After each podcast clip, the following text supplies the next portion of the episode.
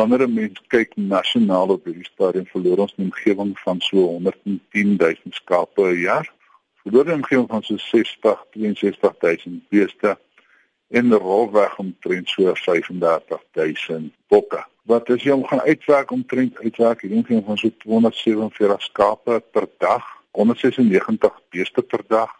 En ons kyk nou 'n omgewing van so hier 40 50 bokke per dag wat ons verloor. Nou waar lê die probleem? Ons probleme in Suid-Afrika lê oorsakeklik in drie provinsies. Ons sit met 'n groot probleem in die Oos-Kaap, ons sit met 'n baie groot probleem in KwaZulu-Natal, ons sit met 'n groot probleem in die Vrystaat.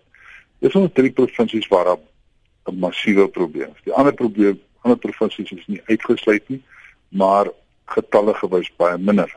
Waarom word vee gesteel? Wat is die oorwegende rede daarvoor? Gaan maar bas oor die waarde van die opweek. Met ander woorde, dit gaan oor die waarde van die vee wat nooit verminder nie.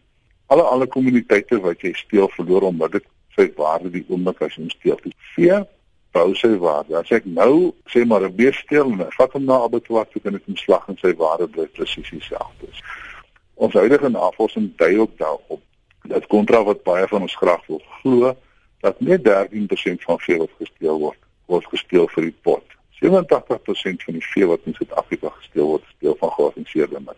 Maar nou voor ons by die polisieeringsaspek daarvan kom, watter impak het vee diefstal op die verbruiker? Hoekom moet 'n ou in die stad enigstens omgee as 'n skaap of 'n bees of 'n bok gesteel word?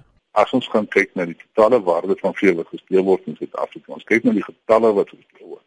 Dan al dit 1 miljard rand uit die ekonomie uit van die landbouers, van die produsente.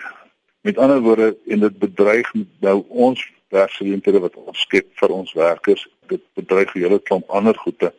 So dit is basies waaroor dit gaan. Die verbruiker in die stad gaan nie werklik waar agterkom dat dit hom affekteer nie. Al wat dit gaan veroorsaak, daar kom minder vleis na die verbruiker toe en hy gaan meer vir die vleis betaal.